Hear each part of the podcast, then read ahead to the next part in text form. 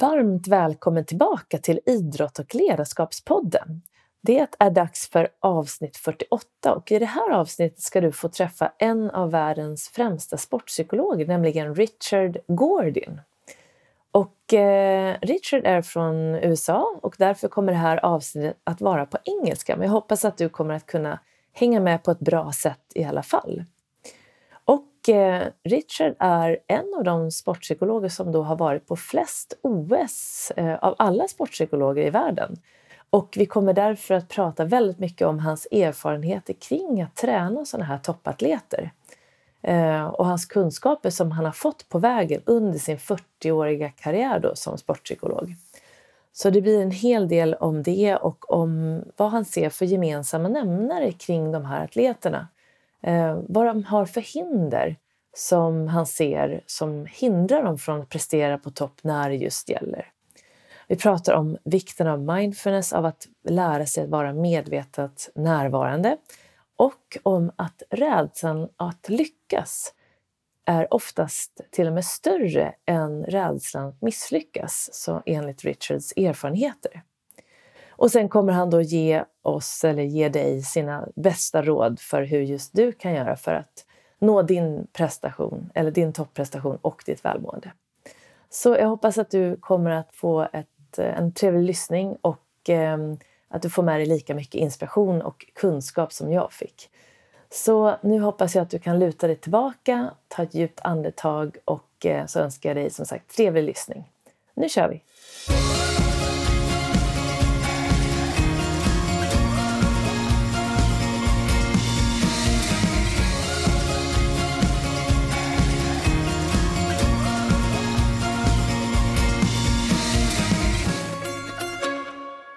Varmt välkommen tillbaka till Idrott och ledarskapspodden.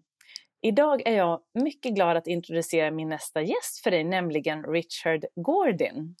Och eh, Richard är professor i kinesiologi och hälsoforskning och även inom sportpsykologi och psykologi på Utah State University i Logan, USA.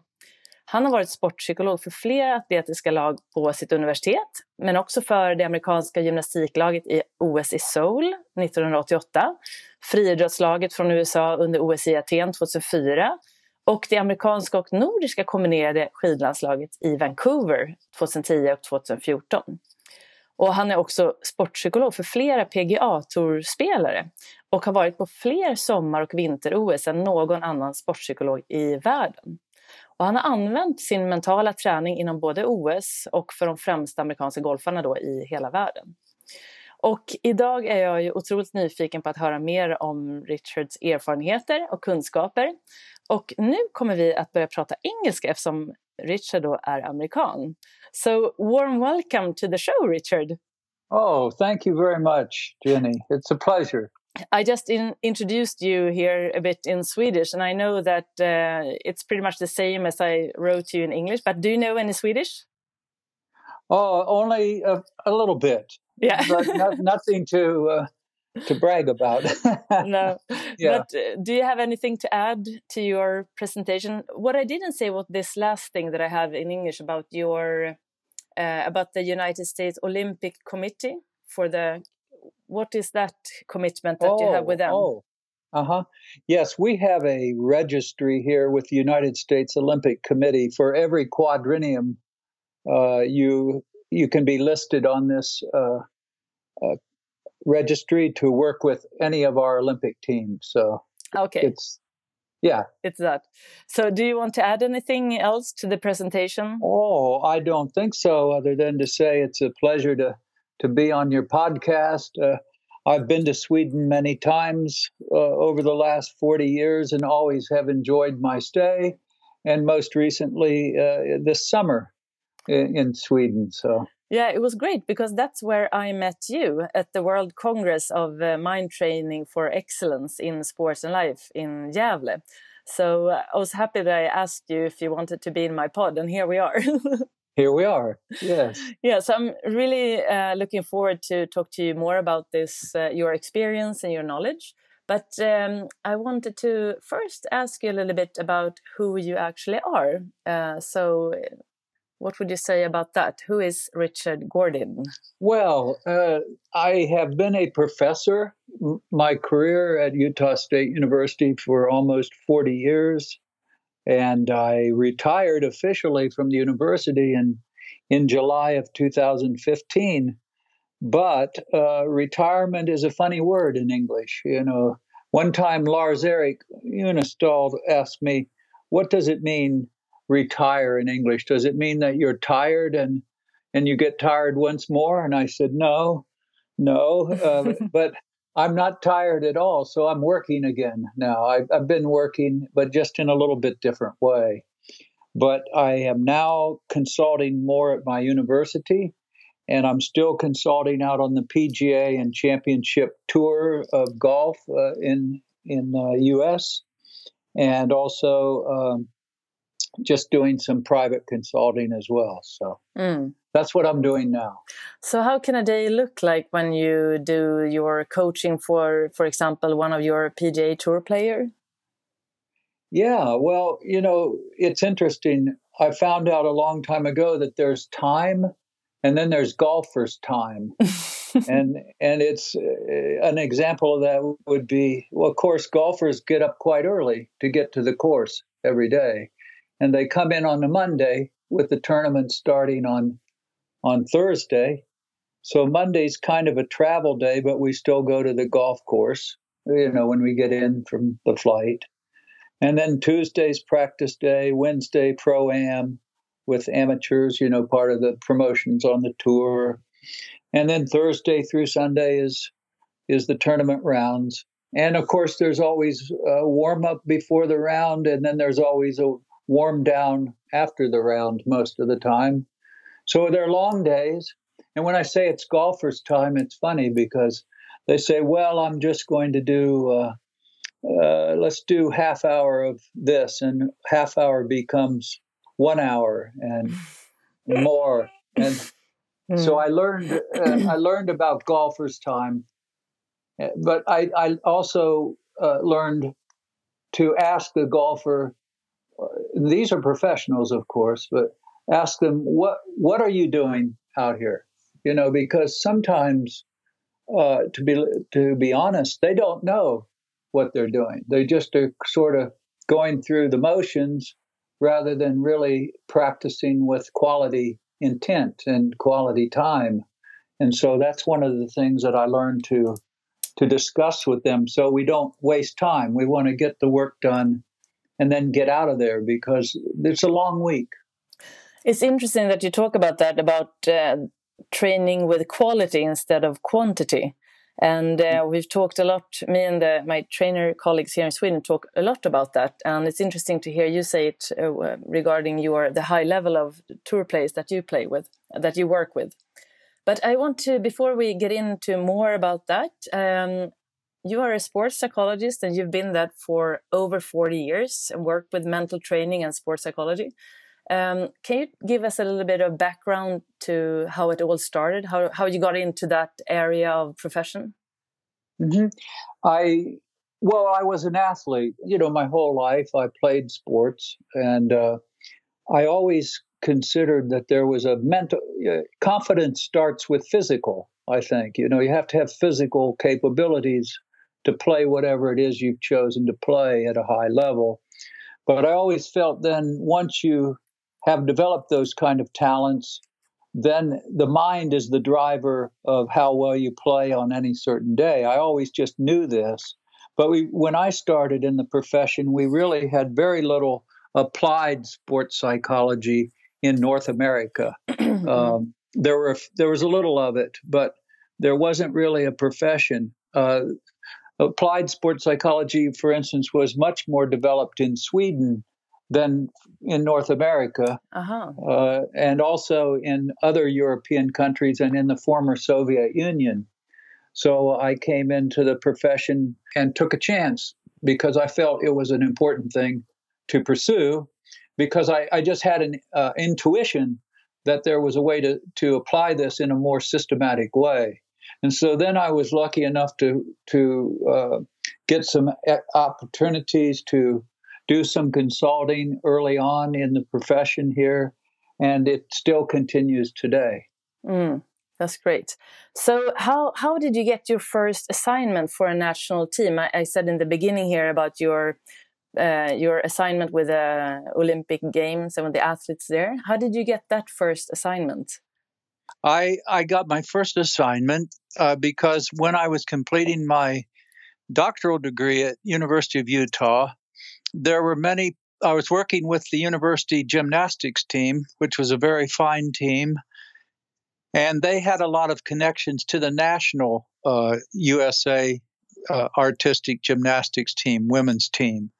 So then I went to St. Louis to the championships, and I didn't know anyone. So the first person I introduced myself to was the athletic trainer, or also you could call physiotherapist, who had the trust of the athletes and the coaches mm. already.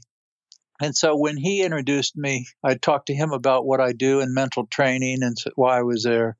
And when he introduced me to coaches, then they introduced me to their athletes. And that's how I gained entry and had access to these fine athletes and coaches because I had to know how to gain entry into the organization. Mm, that's interesting. You know, I uh, I had um, one of my friends on the show, and he he was the um, uh, he has been an assistant coach for the um, ladies uh, U.S. Uh, national soccer team, Tony Gustafsson. Aha. Yeah. So he was on the show uh, last week, and his second part is coming this Friday. And he was actually, I was talking to him about, you know, how what he was a trainer then. I mean, the the coach, the assistant coach, and I was asking him about uh, if they did any mental training and mental coaching, and he said that they had tried it, but they didn't have like the best um, experience from the first. It was it was um, he he thought it had to do a lot with that that person just came in as an more like an inspiration instead of going in and learning how to know the team and everything. So I was wondering, right. what do you think if you are going to go in like you are as a sports psychologist to work with the top athletes as the, these people are? What do you think is the key when you meet them like that, like for the first time? The, to me, the very first important thing is that you come in and you don't try to uh, take over the room, so to speak. Okay. Uh, I don't know how this would translate into Swedish, but you don't come in and try to. You're an invited person in, and so you have to gain the trust through uh, being being there and meeting the athlete and the coaches where they are. Not that you're coming in uh, with every answer you're coming in and and as a resource and for a lot of the time you have to just spend the time getting to know the athletes and coaches and i prefer to come in as an observer and give some information but also ask a lot of questions mm. and try to find out how the team is doing in a good way because let's face it when you come in at a top level they're already doing a lot of really good things. Mm. You know, you're just coming in as a resource. Is that, and, yeah. and so, therefore, you have to take time to meet the athlete where he or she is, and then try to take them where they want to go. And this re- this means that you have to find out about them. And if two things happen with this experience, then you have a chance to ha- have a successful experience. One is, as I mentioned, gaining their trust. And the second is is they have to believe pretty fast that you have something to give them that is useful to help them to get better at their craft. I understand. So when you work with your I mean, uh, when you work with athletes maybe today, or if you have teams today, compared to this, um, you know, how you work with them when you started out, what do you think is the main difference? Or is there actually a difference? Yeah, the athletes today are, well, obviously they're basically the same. I mean, they're people, but they've changed a lot over the last 40 years. And now uh, athletes uh, are much more attuned to the field of mental training, mm. sports psychology. It's not so much stigma as it once had, at least in North America.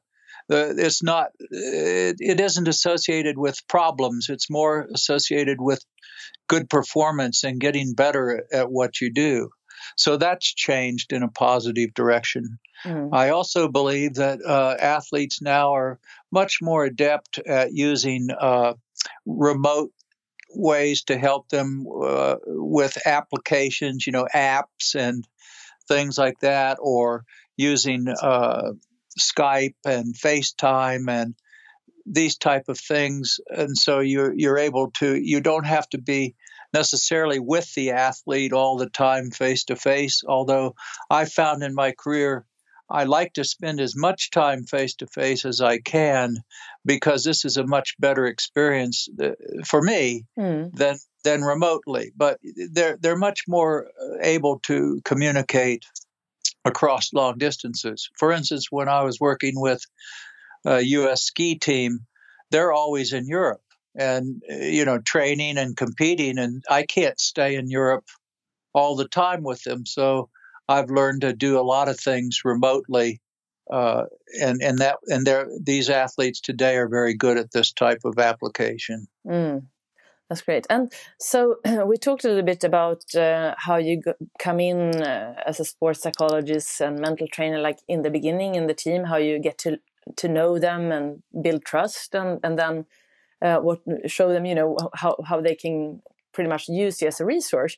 But how, what is the first thing that you start working with uh, after that, uh, as a, uh, for this team or an individual?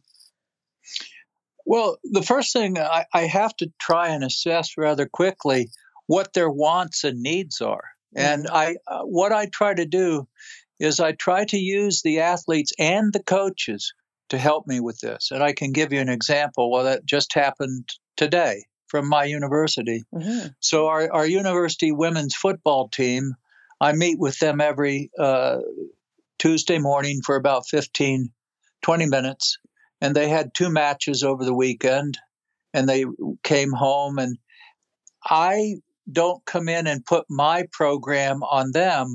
I ask the coaches and athletes, what is it that you think that you want me to talk about today? What's the what did we learn from this last two matches and what did we do well and what would you like me to help you get better at?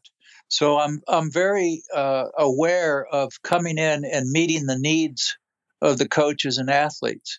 And the second thing to build trust is I believe that you have to be present yourself well as an athlete in these situations and not as a psychologist. You know, mm-hmm. if you the athletes pick up very fast if you're you're not familiar with the sporting environment.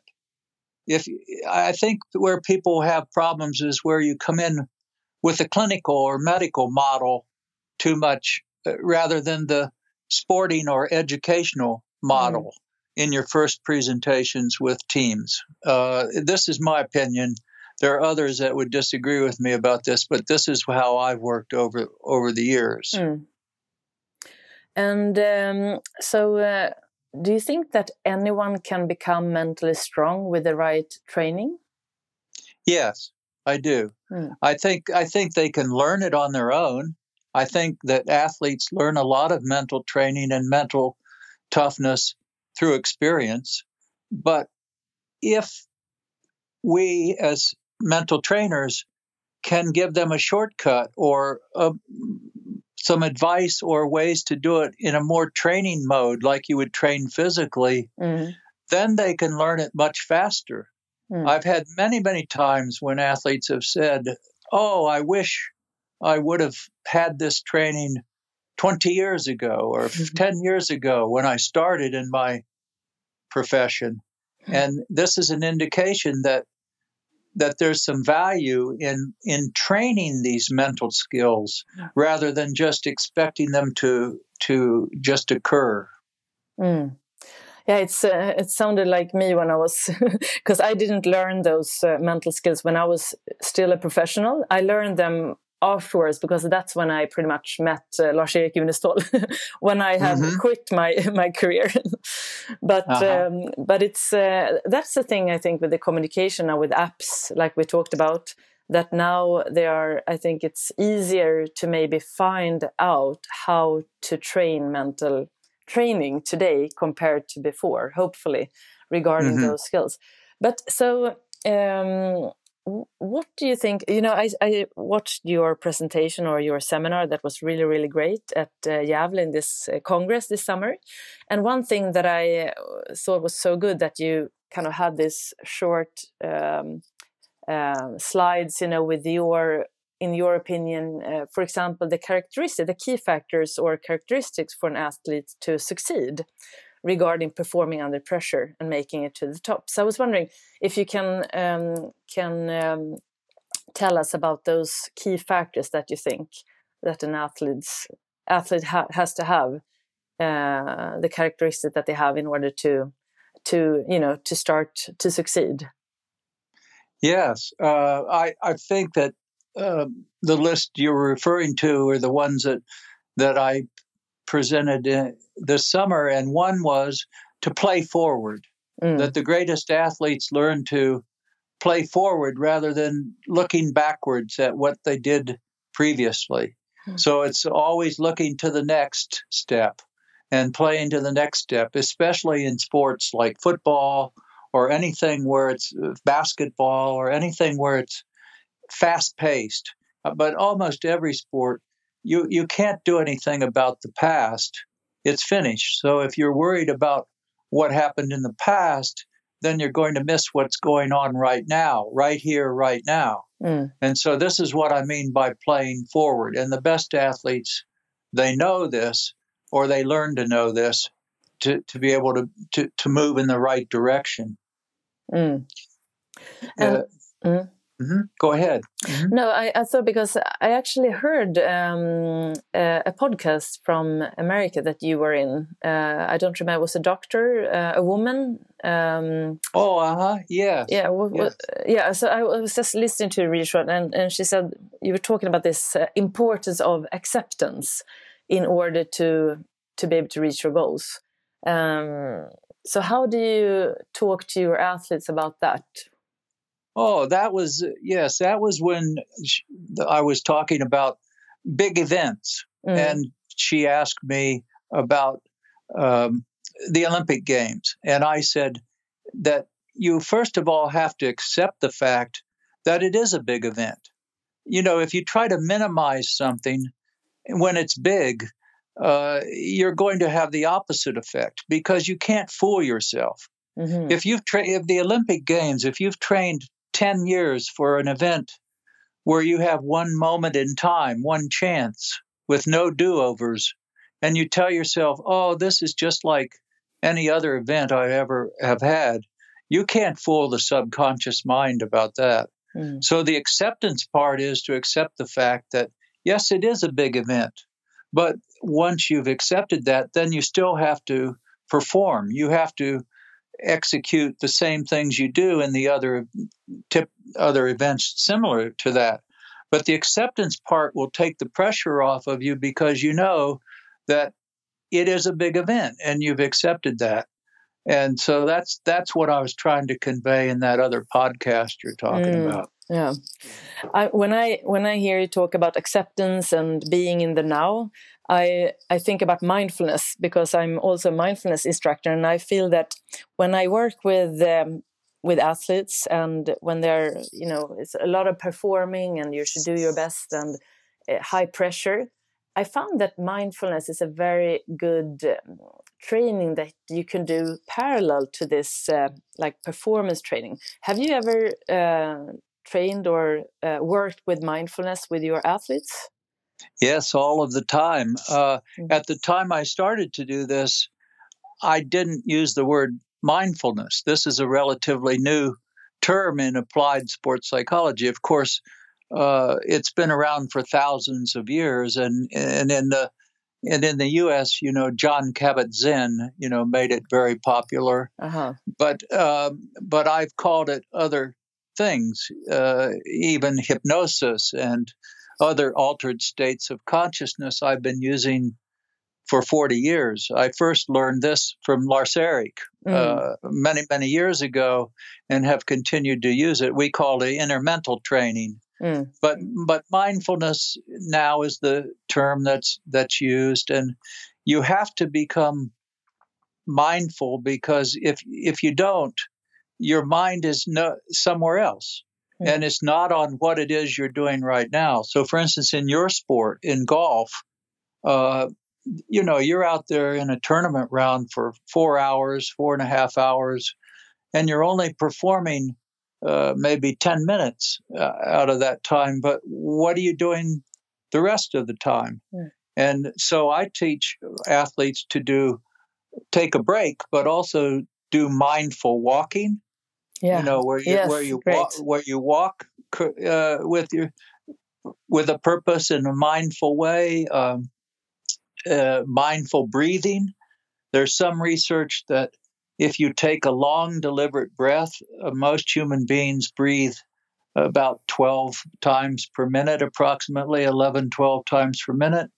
But you can also drop that back to five to seven times per minute. And there's been some uh, research to show that when you do that, even for one minute or two minutes, it clears your mind. Your executive functioning becomes clearer, and therefore you could make better decisions on the golf course. Mm-hmm. You know, mm-hmm. just by walking down the fairway and breathing mindfully in mm. a slower way.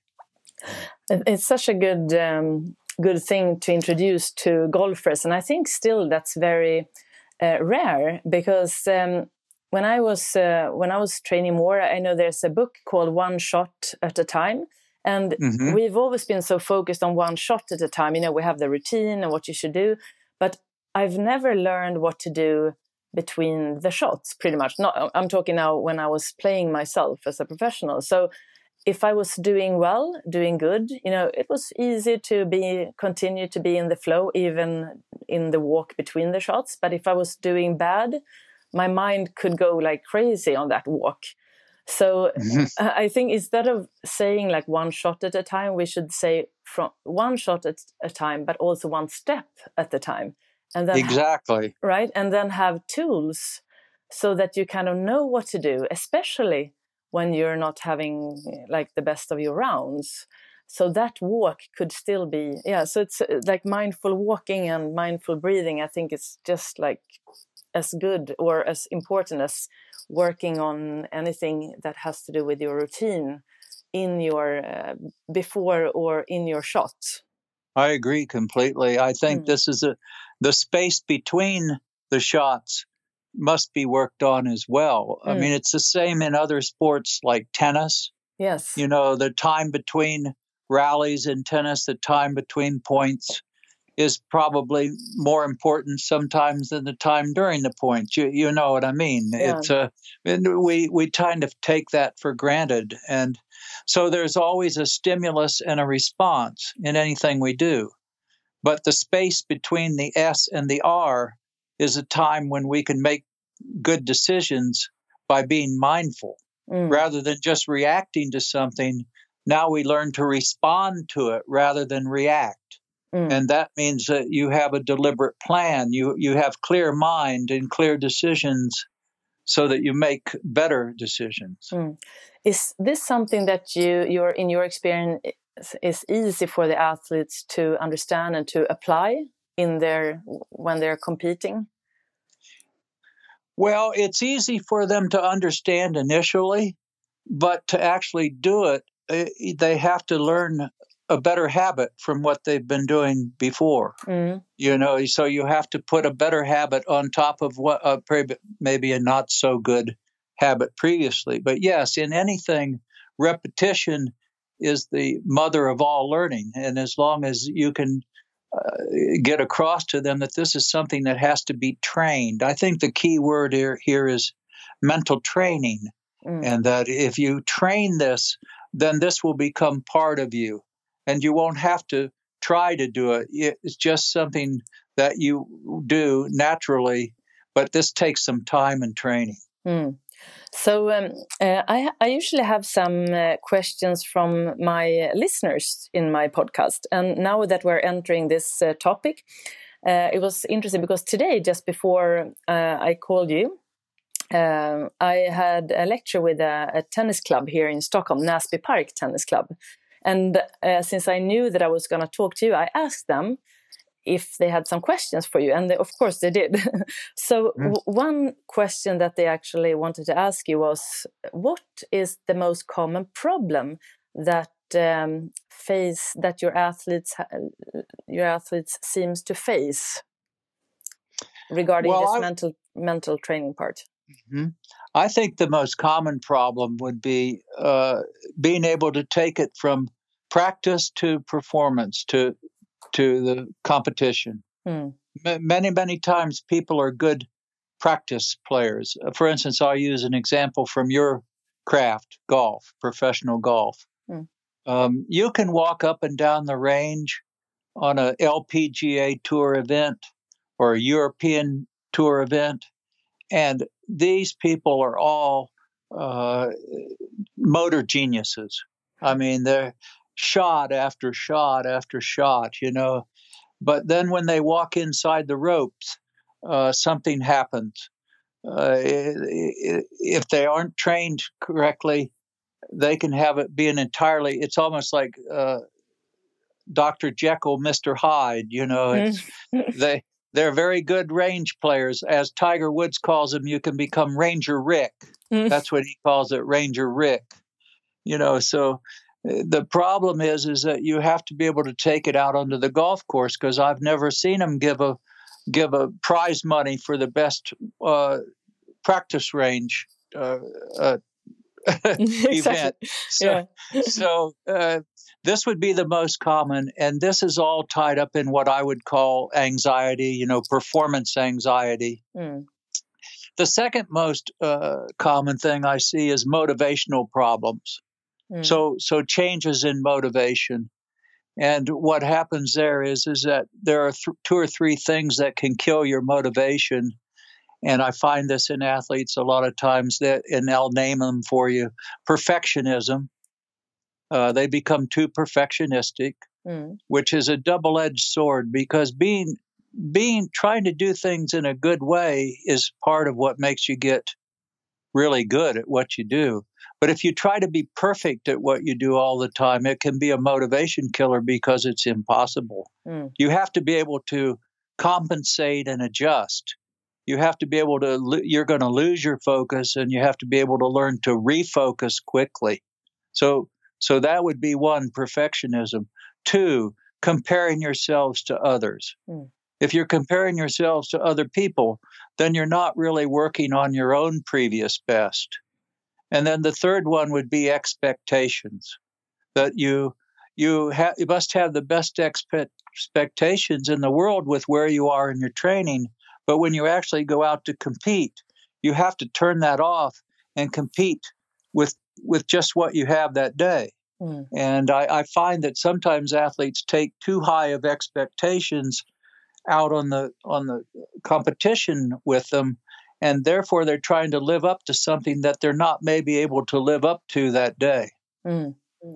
So, so uh, how would you work with uh, this? You know, this anxiety that uh, is so common when it comes to um, you know moving practice what you can do in practice that abilities and those skills into uh, competition. Well what we've tried to do over the years is is simulate competition in practice. That's one way. But there's just no way to ever simulate exactly uh, tournaments to practice. I mm. mean, it's just it's not possible because you've got. Well, I'm sticking with golf because this is your sport. Yeah. You know, you can just rake and hit. You've got another ball.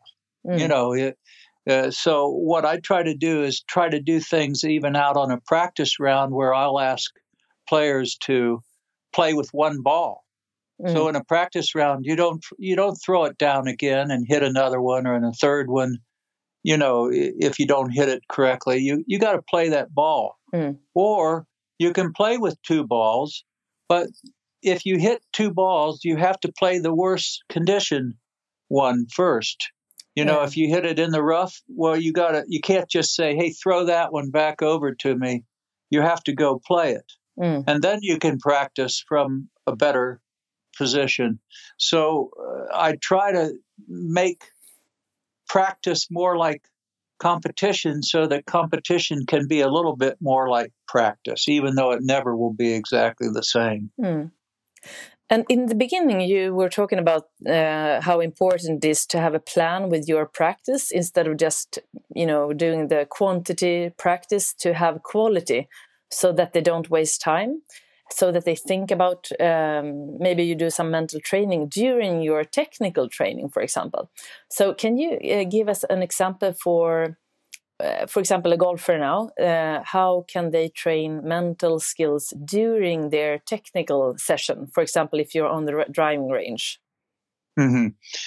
Yeah, so this would be something where you have to call your shot and you have to hit different uh, shots. You don't just hit um, 27 irons in a row, you know, mm. with your with your go-to shot if it's right to left or left to right whichever is your normal shot you have to go go through the bag in different in a randomized way or so that you can't you don't just do blocked practice where you just do the same thing over and over again and so we'll have fun on the range and have them play a golf hole uh, you know mm.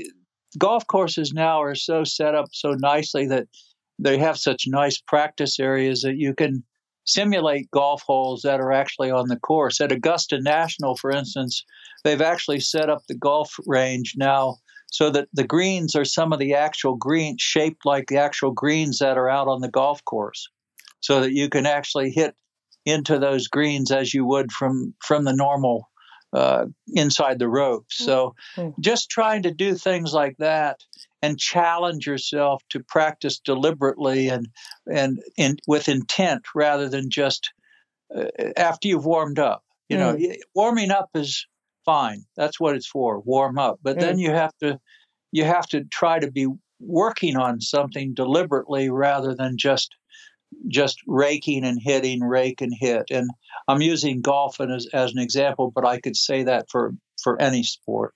Mm.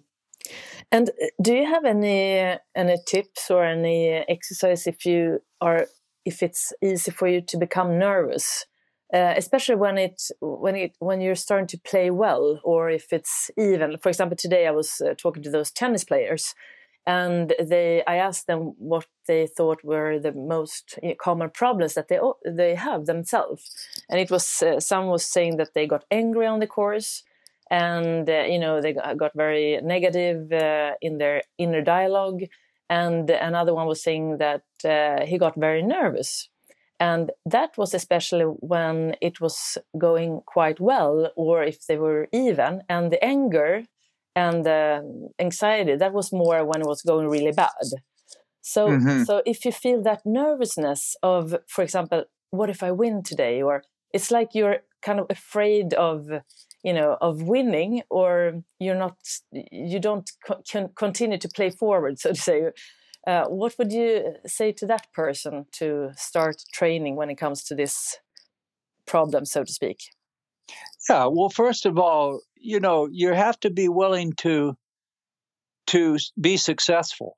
And this is this is something that is far more uh, common fear of success than fear of failure, to be honest with you, because fear of failure is is not not wanting to look bad, you know, not not wanting to perform, you know, be embarrassed or look bad, or but fear of success is unconscious because what happens with that is is that you don't even know that you fear being successful because what happens when you're successful is that your life will change mm. and and it'll it, sometimes people don't want to change they they're comfortable with where they are and so they can even do self sabotage you know they can even they don't try to make a bad shot but the, the subconscious mind goes oh wait a minute. You're you've made uh, four birdies in a row. Um, maybe maybe you better not make another one. You know this is this is starting to become a little too uncomfortable. Mm. so how i deal with that with players is first of all acknowledge it and point it out to them because like I said, sometimes it's unconscious. They they don't even know it. And then I challenge them with with how how great do you want to be? Mm. You know, how how how good do you really want to be? Do you want to be great at what you do or do you, do you just want to be average or uh, and this isn't something I do during the tournament now. This is exactly. more, you know, something where we actually discuss what is it that they want to accomplish in their life. And this would be more of a discussion we would have about their goals and aspirations. Hmm. And some people just want to be average in life. I mean, it's it's just okay with them. Hmm. Uh, but if they want to be great at what they do, they have to be willing to be uncomfortable. They have to be willing to be a little bit more comfortable being uncomfortable mm. because it's uncomfortable out there in competition at times.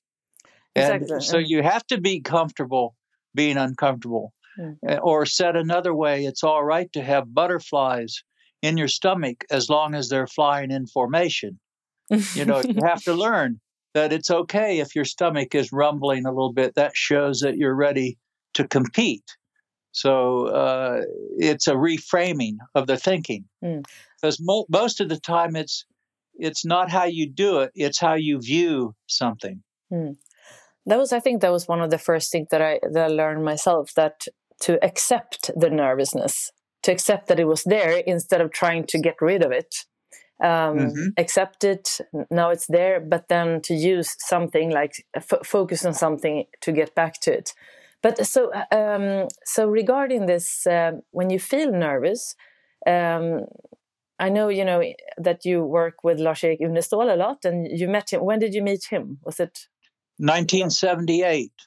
Oh, so that was really when he was just starting pretty much the mental training here So I think he, yes, yeah. So, so he uh, for me, I thought it was so good with this um, the foundation of mental training where you have those smak faktorerna. You know, S mm-hmm. for self image, M for the in Swedish is mål, but it's goal.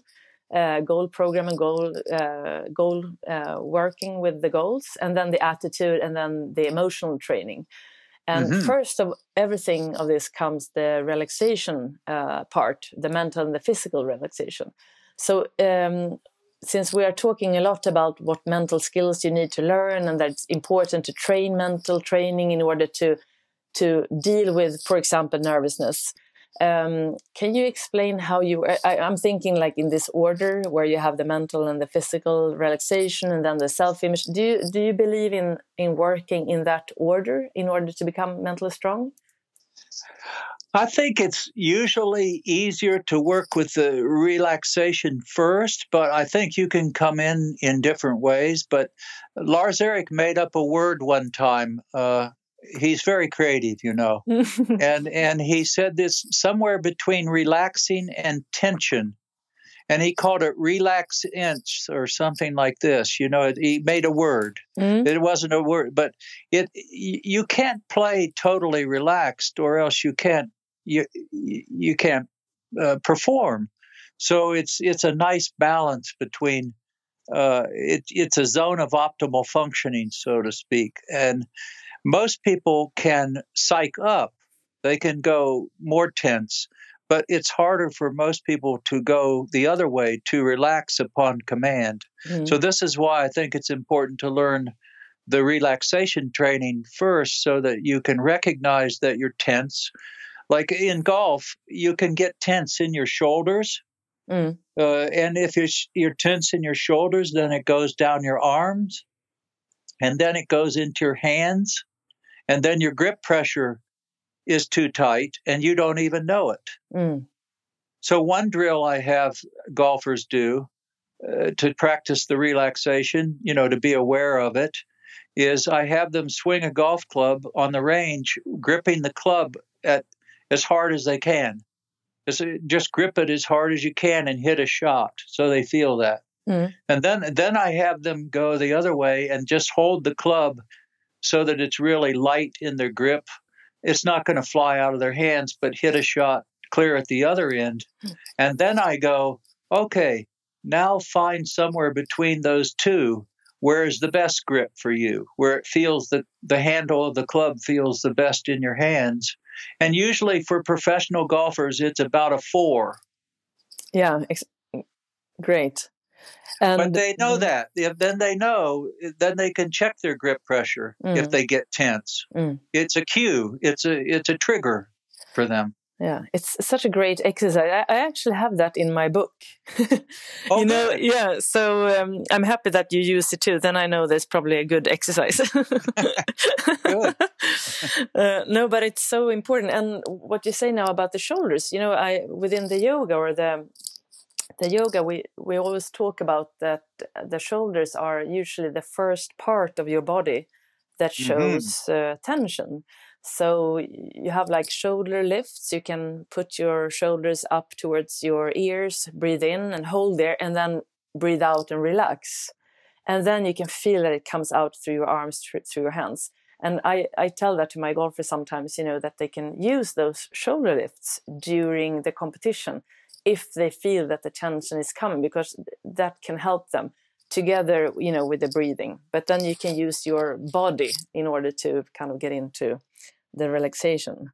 Exactly. And you know where it comes from, why it goes to the shoulders. It's because now this is a little bit of play on words, but I'm sure the audience will get this. Yeah. It come it comes from the shoulders.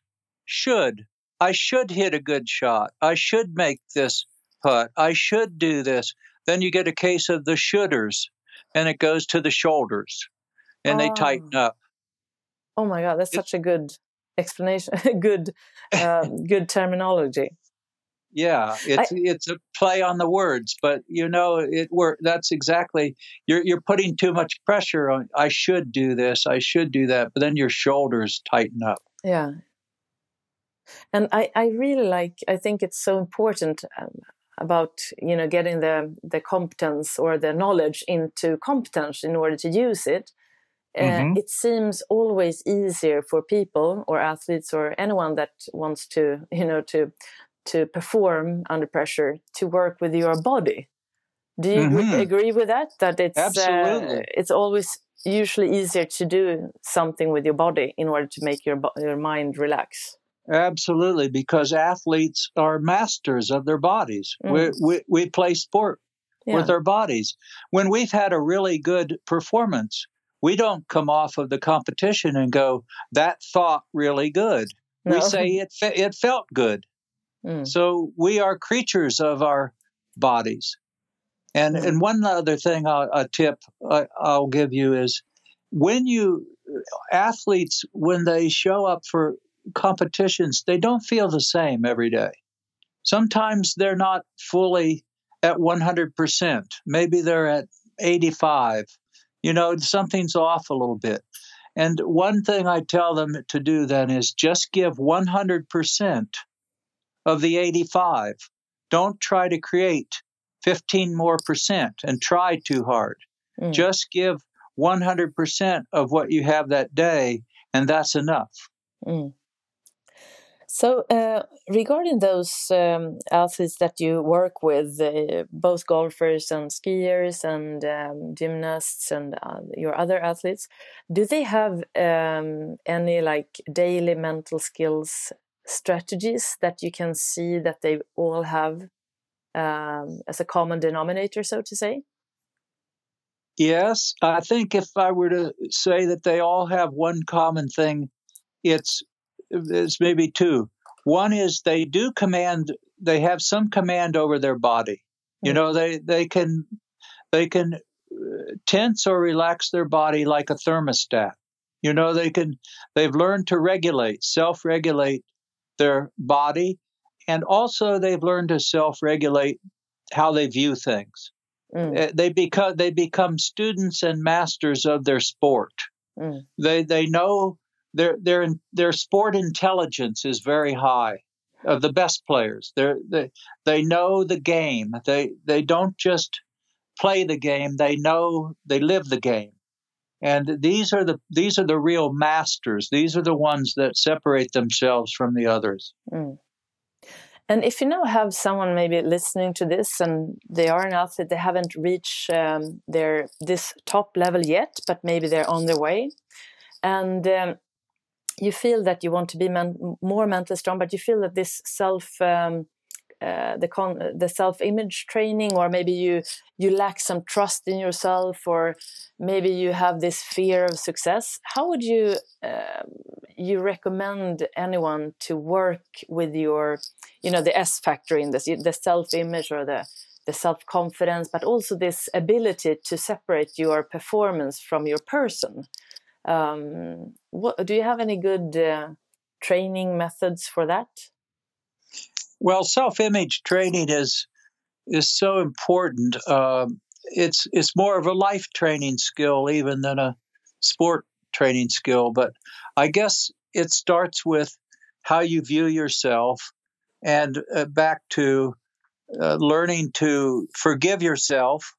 You know, for errors and mistakes, uh, some time ago, I took the word failure out of my vocabulary and replaced it with the word mistake because we all make mistakes every day.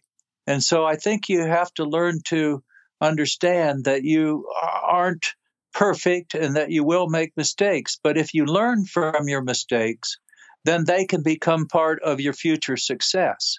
And when you look at that, then it frees you up to go ahead and take chances and to risk. And if you can't risk anything, then you'll never accomplish anything at a very high level. Mm. Mm. And do you think it's uh, when you talk to your athletes about that and you see that this is something that uh, this athlete really needs to work more on? Uh, more on. Uh, is there? Is it easy to start? I mean, do you have any specific like? It's, it's not easy to start. No. I have to try to. I have to try to convince them to do it because yeah. many people will not try it. You know, this is part of their their uh, challenge. Mm. So I tell them that pressure. They talk about pressure. You know, athletes. They say, "I'm under pressure. I'm under too much pressure," and I tell them that pressure is a privilege you, you, this is one of the reasons why you're playing sport because you must turn your pressures into challenges. Mm. You've got to look at it as a challenge of you rather than as a pressure. And they seem to get that. Then I have to teach them, then, of course, well, how to do that. So you have to take baby steps with them like that. So I'll give them small challenges I give them since I was a professor so for so many years. I give them homework assignments. You know, I'll, I'll share one with you that I just gave an athlete a couple of days ago. She's struggling with her self confidence a little bit, and she happens to be a a thrower. She throws a discus in mm. in a, in athletics, and I said, okay, so for today, I want you to, when you're, she was going to be out in a crowd, you know, a big crowd at a sporting event. I said, I want you to walk straight ahead with your eyes up and no phone, no cell phone, no, no mobile phone. You must walk straight ahead and don't vary from the path. So if people are coming towards you, you just keep walking straight ahead. Now, I said, don't run over somebody, you know, and knock them down but just be curious about walking straight ahead and see if the other people will move. And so I give them assignments like that, and that will have. And at first, it that's hard to do because you don't want to be impolite, you know. But uh, on the other hand, what it teaches you is that you can you can make other people react to you rather than you always reacting to the other people. Mm. And th- this is a very important concept for great athletes. Mm. And what is actually the most, um, the biggest, the greatest development that you've seen with any of your athletes? The, the biggest development. Yeah, I mean, I mean, if you um, if you compare it to maybe when you started to work with someone, and then uh, you followed them and you saw this uh, development and oh, uh, do you have oh. anything like in your memory that was like a very great achievement starting from one point and ending up you know in that point well i can't think of a specific, you know, person or because there's so many, many wonderful stories, but I can say that these are the things that I get the most pleasure out of. Mm. When I see someone who has done a hard work of the mental training, because this isn't easy. You know, if if this stuff was all easy, everybody would be doing it al- already. You know, it has to be a learned skill and a trained skill, as you and I have talked about already. Mm. But when I see them later in life, these usually occur later in life after their sporting career is over, and I read them later, and they tell me they go, "Oh, you remember when we learned this skill?" And I used this in in my life this way. And i did did this i was able to use this what we learned in this sport in my life this way and they become life skills life changing events for them. This gives me a lot of pleasure. This mm. this gives me the greatest pleasure that i mm. ever have. I mean i love to see athletes win big sporting events and accomplish great things and their dreams. But when i know that they've actually taken these skills and applied them and made them lifelong learning skills, uh, this gives me the greatest pleasure. Mm. So I think that also answered um, one of my uh, other uh, reader um, questions. What was the most fun with your job? That's it. yeah, great. and um, I'm a you know I'm a coach myself, and I have a lot of people that listen to this that are also work as leaders or coaches. And um, what do you think is the most important ability that you need as a trainer or a leader in order to work with? It can be top athletes like you work with but i'm thinking also other like great um, performing people within the workplace. I think you have to be willing to be uh, authentic. Uh, you have to do it your way you know not not try to be someone else but I also think you have to become a lifelong learner yourself. That you know that you never know know it all. You you can continue to learn from every person you meet, and you don't have to accept everything you ever hear, but you can explore it and then see if it's useful to you. Uh, the quote that I use from a famous American basketball coach, John Wooden, is the one that I, I like a lot. And it's he said, it's what you learn after you know it all that counts. Mm. And I think this is two qualities that uh, that make good mental trainers to help other people. One is that you, you are authentic. You know, you're you're not faking anything. You're living what you teach. You teach what you live, and you live what you teach. And the second is is that you're willing to keep improving yourself throughout your entire life and learn it throughout that it becomes lifelong learning for you mm. and um, i think uh, it was so great uh, when it comes to your your seminar again that i went to this summer and you used another um, how do you call it, uh, anecdote or uh, yeah, like a mm-hmm. quotation. Mm-hmm. And it mm-hmm. was um, that the greatest weapon against stress is our ability to choose one thought over another mm. by William James. And um, how would you say that? I mean, if you think, for me, to me, that is to be very mentally strong, like you also talked about. Uh, what do you think is the, how much do you need to train when it comes to mental training every day or every week in order to get there in order to notice your thoughts so that you can choose one thought over another.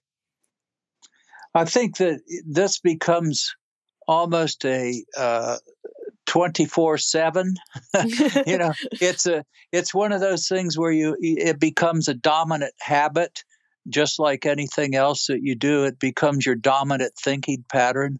But of course, this takes years and years of of training to be able to do this, uh, because there are so many distractions and things that interfere in our life that we we can easily be distracted from our thinking in this way. Mm. So when I first heard this quote from William James, uh, it scared me a little bit because of the powerfulness of of the quote because what it really means is that you're the master of your own destiny. Mm. You can choose how you think. Mm. You can choose how you view things. And and I think the first time you ever really realize that and it really sinks in, it's a little bit uh, uh, humbling and frightening, but boy, is it powerful. Mm yeah it's uh, it's really great to understand uh, and to get that ability to understand that you are in control of your brain and not the other way around mm-hmm. Mm-hmm. but exactly. like but like you said I, I, agree i also think it's a bit scary to think about it but um, then when you work with the relaxation part uh, mm-hmm. then it mm-hmm. doesn't get that scary because then you can become calm so when those you know scary thoughts comes up you have your tools with your breathing and and the mindful exactly. walking right exactly all the tools you have many tools in your toolbox mm. but talking about stress uh, i guess that's something that has also changed a lot in your 40 years um, that we have maybe more stress in our environment today when it comes to communication and this uh, the prob maybe prob problem to focus. How do you think that um, you can balance between your sport and your your work and your free time or your you know your spare time where you have to do well where it's important to to relax and do those things well i think you, the you, the most important thing is to as you mentioned is balance and you can have a very full life but you must always take some time, what I call me time every day, to just sit and do be quiet and do things mindfully so that you can rejuvenate. Um, and you have to plan to do this because our, our lives are very busy in this day and age with working and and uh, everything else we do and all, all the instant access to information and so forth. But I think you can plan ways to do that.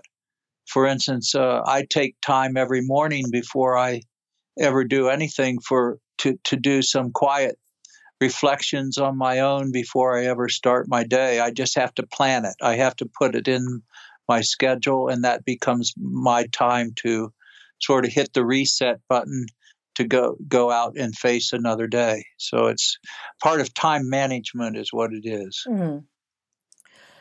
Yeah, I think it's. Uh, and do you think your athletes do they um, understand? Can they apply this as well to their you know busy schedules or this hard training where where you have both the physical and the technical and the mental training?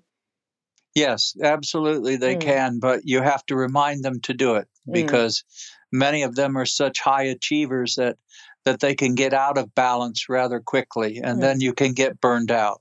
Yeah.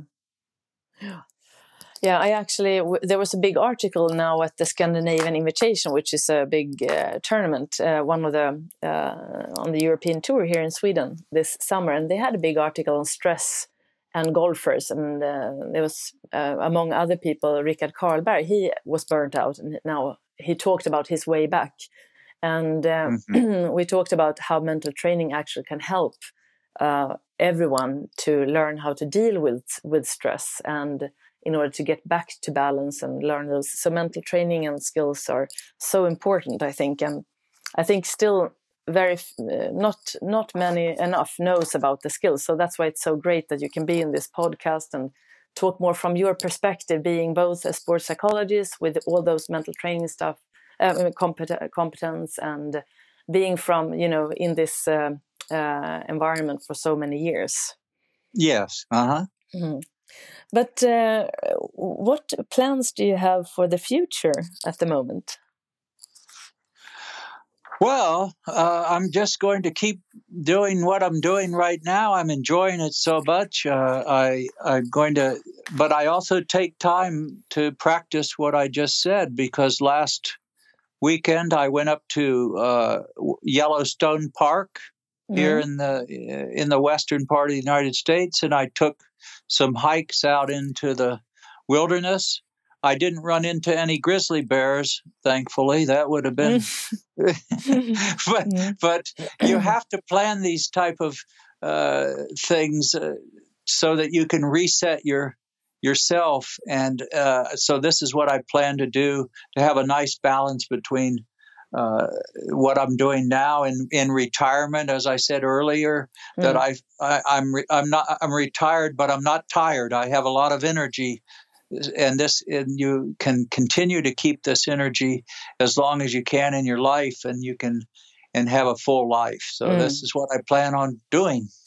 That sounds great. You, we talked a little bit about uh, visualization and um, uh, about visualizing the future and uh, you know in, get, in order also to get the motivation in the present. Do you work yourself with visualization regarding your future visions and and things you want to have done or that you long for? Yes, I do look in the long term. Uh, I do think of things I want to accomplish in the long term, but I also have found that I also live my life each day. So I don't want to live my full life too far ahead of time. Mm. I want to just live it for what I'm doing today and then build today. So, like today plus today plus today equals my future. Mm. And so it's a kind of a fine balance between having that long term vision, but also knowing that whatever you're doing right now is the most important thing you're doing right mm. now. Mm.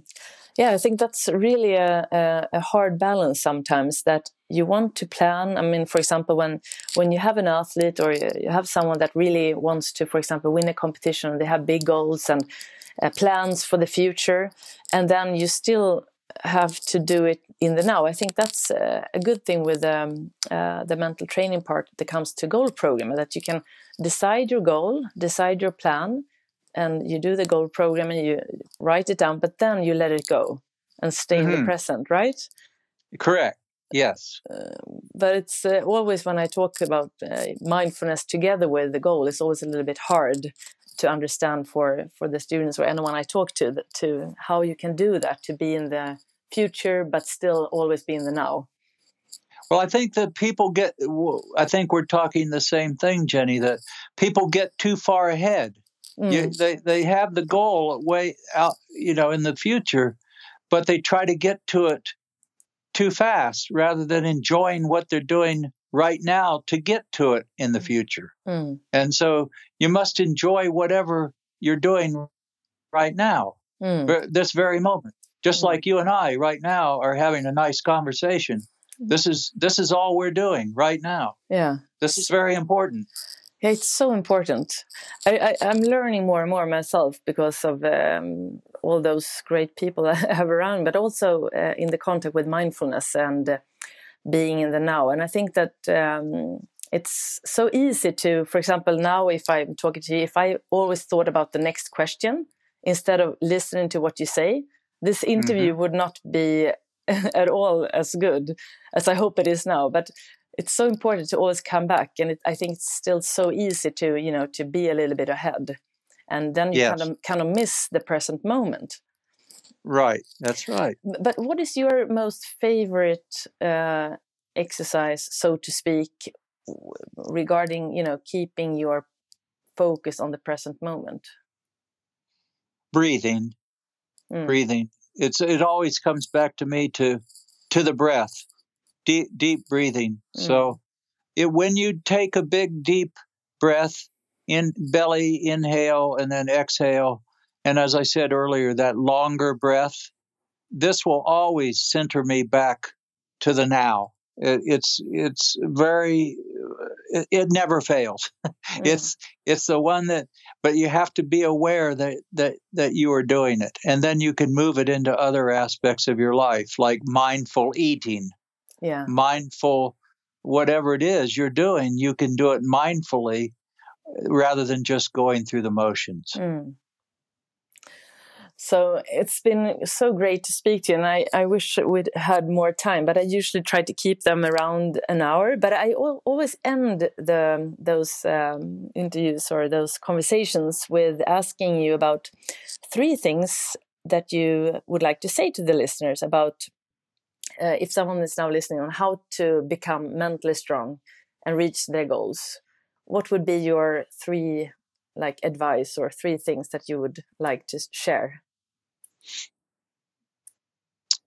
Well, number one, I, I guess, is pursue your passion in life. You know, if you can find what you are passionate about, to go ahead and pursue that with with all of your might and and enjoy it, enjoy the journey. Uh, a second would be uh, actually comes from a Swedish saying I learned many years ago, and that is to live and to love and to forget. Mm. You know, you you you must must learn. Sometimes the ability to forget is a much greater ability than, than to worry about remembering things. Mm. Some things are better left behind where and don't don't bring them forward with you and have a short memory for poor performances and a and a longer memory memory for good ones. And and a third, I guess, a final one would be to just in, enjoy your life. Uh, it, it's life is fast, and so l- learn to enjoy whatever it is you're doing right now, and uh, and then do the do the next thing when it comes up. Mm. It's been great talking with you today and having this discussion. I've I've enjoyed it very much. Well, thank you so much, and it's such a pleasure that you, uh, all the way from America, because we didn't say that. I, I, forgot to say that in the beginning that you're actually in your home in. Uh, is it in Logan or where is Logan? The, uh-huh. Yeah, right. Logan, North, northern Utah. Yes, northern Utah, and I'm here in Stockholm, Sweden, sitting here in my apartment talking to you right well, about that's great a lot of things that has, has happened in the last 40 years right That's right. Yes. But if if the listener wants to learn more about you, do you have a website or anywhere where we can learn more about you? Yes. Um, if you just uh, put my name uh, in on Google, it'll come up to my website at the university, and I'm pretty good at responding to uh, emails and those type of things. So that's great. Uh, yeah. So I will add it into this episode, and um, so uh, that they can Sounds anyone good. can reach you if they want to have more questions. Absolutely. If it's, if it's okay with you. yeah, that's fine. Absolutely. Well, thank you so much for giving me. Oh, uh, you're uh, welcome. Uh, all your time and your excellent, you know, knowledge and all your experience. It's been great uh, to have you on the show. Oh, it's great to speak with you again, and I hope we'll see each other again yeah, soon. I hope so too. Thank you so okay, much. Okay, Jenny. Take care. Okay. Take care. Yeah. Bye bye. Bye bye.